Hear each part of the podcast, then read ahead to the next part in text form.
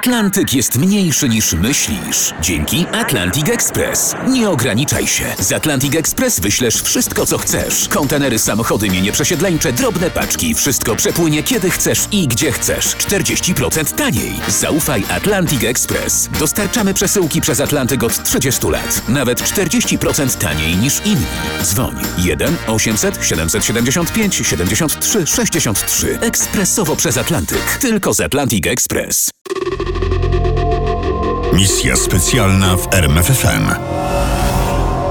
Żydzi za Tatarów, czyli jak Stalin zapraszał Żydów do Związku Radzieckiego.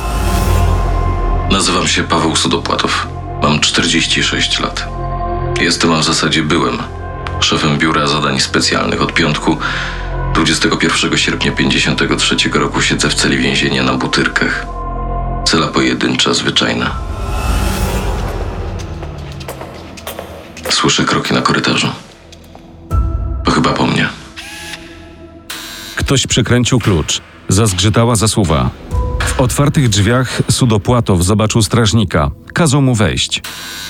Prowadzą mnie wąskim, brudnym korytarzem. Zaraz skręcimy w lewo, będą schody w górę. Do pokoju przesłuchań wejdę sama. Czy znowu będzie czekał na mnie Rudenko? Roman Rudenko, można powiedzieć primus inter pares, był głównym oskarżycielem Związku Radzieckiego w procesie norymberskim i w procesie 16 przywódców Polskiego Państwa Podziemnego. Teraz, to znaczy latem 53 roku, był już prokuratorem generalnym. To on kierował śledztwem w sprawie szefa NKWD Berii. Oskarżono mnie o spiskowanie przeciw Stalinowi razem z Berią. Według Rudenki pomagałem Berii w tajnych kontaktach z obcymi mocarstwami. Kompletna niedorzeczność. Rudenko przywitał Sudopłatowa oschle, jak zwykle. Wskazał mu krzesło i kazał usiąść.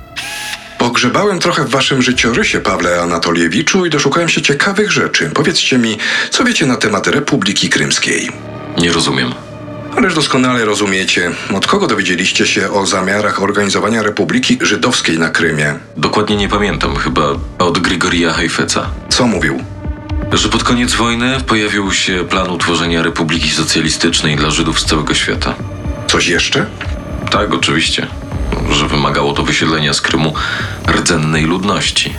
Zarówno Rudenko, jak i Sudopłatow wiedzieli, że z pomocą przyszedł Beria i jego towarzysz Mierkułow. To był ten sam duet, który miał decydujące zdanie w kwestii likwidacji polskich oficerów w kwietniu 1940 roku. Tym razem towarzysze sprokurowali rozkaz o oczyszczeniu Krymu z elementów antykomunistycznych. Oczyszczanie zaczęło się praktycznie nazajutrz, czyli wiosną 1944 roku. Na pierwszy ogień poszli dezerterzy z Armii Czerwonej tatarskiego pochodzenia. Po nich NKWD zabrała się za resztę Tatarów, prawdziwych i domniemanych kolaborantów. Z domów zabierano całe rodziny. Tu nikt nie prowadził dochodzenia, każdy Tatar był winny. W efekcie tej masowej odpowiedzialności około 230 tysięcy Tatarów wyrzucono do Uzbekistanu. Po czym zaczęło się burzenie domów, meczetów, cmentarzy i pomników. Generalissimus Stalin nakazał zniszczyć najmniejszy nawet ślad kultury tatarskiej. Na ich miejsce mieli przyjść Żydzi. Rudenko i Sudopłatow wiedzieli również i o tym, że pomysł Republiki Żydowskiej wcale nie był nowy. Już w 1923 roku niejaki Abram Bragin, działacz partyjny żydowskiego pochodzenia, ogłosił pomysł zorganizowania autonomicznego obwodu żydowskiego. Miejsce znalazł na północnym Krymie. Krym wybrano z dość prostej i pragmatycznej przyczyny. Jeszcze w czasach carskich mieszkała tam olbrzymia populacja Żydów. A ambitnym projektem zainteresowany był sam Lew Trocki. O tych planach dowiedział się Kongres Żydów Amerykańskich. Pomysł uznano za wspaniały. Powołano nawet firmę AgroJoint, która miała się zajmować finansową kwestią planu. Jej szef, niejaki Joseph Rosen, obiecał na ten cel aż 15 milionów dolarów, ale postawił warunek: koniec prześladowania Żydów w całym Związku Radzieckim. Pieniądze miały być wypłacane w ratach przez 17 lat. Kiedy przyszła pierwsza transza, prace ruszyły. Niecałe trzy lata później przygotowano plan przesiedlenia na Krym 100 tysięcy rodzin żydowskich. Tymczasem przez następne 8 lat udało się zbudować zaledwie dwa osiedla. Dlaczego? Przecież perspektywy, zwłaszcza te finansowe, były znakomite. Przyczyną były protesty, w które dość mocno włączył się ludowy komisarz do spraw rolnictwa. To niesprawiedliwe i krzywdzące wobec nieżydowskich miast pracujących i wsi, krzyczał na zebraniu aktywu partii. Do tego klasowego argumentu doszedł nowy etniczny argument. Należy raczej skoncentrować się na pomocy dla Tatarów, którzy chcą wrócić z Turcji na Krym. Niczym echo tych wewnętrznych problemów odezwał się głos Ameryki z za oceanu. Joseph Rosen zrezygnował z finansowania przedsięwzięcia. W 1934 roku projekt zamknięto, a firma AgroJoint przestała działać. Temat wrócił 10 lat później. W lutym 1944 roku Żydowski Komitet Antyfaszystowski zredagował pismo do Stalina. Utworzenie Żydowskiej Republiki Radzieckiej raz na zawsze w sposób bolszewicki w duchu narodowej polityki leninizmu, stalinizmu załatwi problem państwowego statusu prawnego Żydów. Jest to problem, który może być rozwiązany tylko w naszym wielkim socjalistycznym kraju. Autorów tego pisma było kilku. Wśród nich znalazł się znany aktor Solomon Michels. Michels przed kilkoma miesiącami jeździł po Stanach Zjednoczonych z tajną, lecz zatwierdzoną przez Moskwę misją. Musiał wynegocjować materialne wsparcie dla żydowskich osiedli na Krymie. Dlaczego Żydzi chcieli osiedlić się na Krymie? To też wytłumaczył Michels. Nikt nie chciał wracać na tereny Ukrainy i Białorusi, gdzie Żydzi byli masowo mordowani w czasie II wojny światowej. Ale był również drugi powód. Obawiano się wybuchu nowej fali antysemityzmu w republikach radzieckich. Skończyła się kolejna godzina przesłuchania. Mocna żarówka świeciła w twarz Sudopłatowa. Łzawiły mu oczy. Diabelnie mocno bolała głowa. Z trudem zrozumiał sens następnego pytania. A jakie wy, Pawle Anatoliewiczu, mielibyście korzyści z tej republiki? Przecież wasza żona Emma jest Żydówką. Żadnych. Wykonywałem tylko polecenia. Czyje?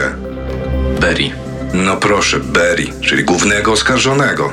Być może. Myślę jednak, że Beria przekazywał mi tylko polecenia Stalina. Musiałem wysądować, co ambasador Stanów Zjednoczonych Harriman sądzi o pomyśle budowy Republiki Żydowskiej. Beria bał się, że imperialiści mają jakieś podejrzane intencje. Aha, no i kazali mi sprawdzić, ile gotowi są wyłożyć na ten cel pieniędzy.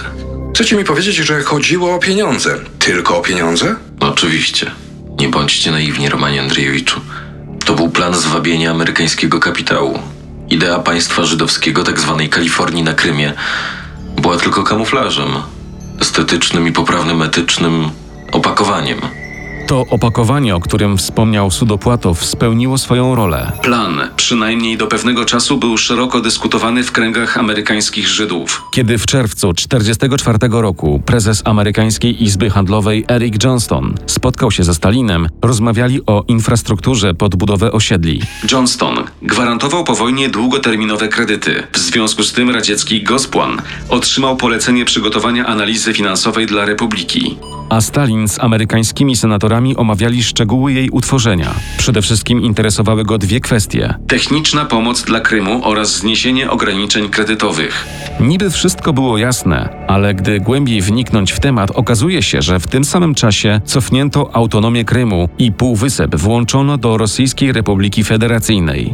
Według statystyk na Krym przesiedlono ponad 17 tysięcy chłopów i robotników, którzy mieli być siłą napędową nowych kołchozów. O co więc Stalinowi chodziło? Trudno w tych sprzecznych decyzjach doszukać się jakiegoś sensu. Historycy zaczęli zastanawiać się, czy idea Republiki Żydowskiej na Krymie nie była przypadkiem prowokacją Berii. Dopiero po szczegółowym zbadaniu różnych wątków wszystko stało się jasne. Mniej więcej w drugiej połowie 1946 roku Stalin zrozumiał, że na pieniądze żydowskich finansistów z Ameryki nie ma co liczyć. Zaczęła się zimna wojna, napięcie między Waszyngtonem i Moskwą niebezpiecznie wzrosło. Pomysł Republiki na Krymie upadł, a jednocześnie zaczęła się kampania antysemicka. Komuniści żydowskiego pochodzenia zaczęli znikać z dyplomacji, wojska, wywiadu i partii. Wreszcie wypłynął na szczyt propagandy tzw. Tak spisek lekarzy, bo lekarze kręcący się wokół Stalina byli niemal bez wyjątku żydowskiego pochodzenia. Sudopłatow nie powiedział tego Rudence, a według niego był to kolejny manewr Stalina zmierzający do unicestwienia wszelkich domniemanych ośrodków władzy. Generalissimus zamierzał zastąpić ich wszystkich miernymi ludźmi bez ambicji, którzy nie będą zagrażać jego pozycji. Ale żeby ten manewr, jak to określił Sudopłatow, miał się powieść, trzeba było przygotować odpowiedni grunt. To była robota nowego ministra spraw wewnętrznych, Wiktora Abakumowa, człowieka niewysokich lotów, za to wiernego rozkazom Stalina. Abakumow wyciągnął na forum rozgrywek partyjnych problem burżuazyjno-żydowskiego nacjonalizmu jako niebezpieczeństwo dla ideologii komunistycznej. Grigory Hajfec, jeszcze nie tak dawno gwiazda radzieckiego wywiadu, wypadł z łask. Chruszczow, wówczas jeszcze sekretarz komunistycznej partii Ukrainy, skarżył się, że Żydzi przylatują na Ukrainę jak wrony. Brakowało miejsca na ich zakwaterowanie. Wstrzymajcie ten nalot, ostrzegał, bo zaczną się pogromy. I wówczas w sprawie mieszkań i majątków dla Żydów odezwał się nieczujący skąd wieje wiatr Michels, szef żydowskiego komitetu antyfaszystowskiego. Ten nierozważny ruch wykorzystał Abakumow. Uznał to za przykład burżuazyjnego nacjonalizmu żydowskiego. Wyobraźcie sobie w radzieckim systemie człowieka o międzynarodowej reputacji i autorytecie, który nagle zaczyna działać z własnej inicjatywy. Michels był zgubiony, a ja dostałem zakaz rekrutowania Żydów. Michels zmarł w styczniu 1948 roku. Jeszcze w tym samym roku Abakumow kazał aresztować Grigorija Hajfeca, a po nim byli następni. W efekcie aresztowano wszystkich ludzi ze szczytów Żydowskiego Komitetu Antyfaszystowskiego oraz duże grono intelektualistów żydowskiego pochodzenia. Jaki im postawiono zarzut? Otóż według prokuratorów metodami spiskowymi chcieli oddzielić Krym od Związku Radzieckiego. Roman Rudenko znał dobrze szczegóły tej sprawy, czytał akta. Teraz pokusił się o krótki komentarz, zahaczając przy tym o kwestie dotyczące Sudopłatowa. Sprawa spisku krymskiego zakończyła się w sierpniu 1952 roku wyeliminowaniem wszystkich aresztowanych ludzi z żydowskiego komitetu antyfaszystowskiego. Wtedy też towarzysz Stalin uznał żydowskie roszczenia do naszego radzieckiego Krymu za nielegalne. A jaka była w tym wszystkim wasza rola? Żadna. Tyle, że już po śmierci Stalina Beria dołączył mnie do komisji prowadzącej śledztwo w sprawie śmierci Michelsa. I co ustaliliście? Michelsa zabili ludzie z KGB. Tyle, że spartaczyli robotę. Dlatego nikt nigdy nie wierzył, że to był wypadek. Michelsa zamordowano na osobisty rozkaz Stalina. Przyjechał do Daczy pod Mińskiem na spotkanie z białoruskimi artystami teatrów dramatycznych. Na miejscu okazało się, że żadnych artystów nie ma. Są za to funkcjonariusze KGB. Ktoś wbił Michelsowi igłę i wstrzyknął truciznę. Martwe ciało wyrzucono na ulicę. Ktoś wsiadł do stojącej nieopodal ciężarówki i rozpędził samochód. Abakumow kazał upozorować wypadek. Rudenko wyłączył lampę. Teraz pokój oświetlała tylko żarówka z sufitu. Zrobiło się normalnie. Powiedzcie mi, Pawle Anatoliewiczu, wierzyliście, że taką republikę można było zbudować? Ależ skąd? Z radzieckiego punktu widzenia idea utworzenia Republiki Żydowskiej na Krymie z zagranicznym poparciem brzmi wręcz śmiesznie. Dlaczego? Moim zdaniem taki twór mógł stanowić przeszkodę dla partii i państwa. Misja specjalna w RMFFM. Na tropie największych tajemnic historii.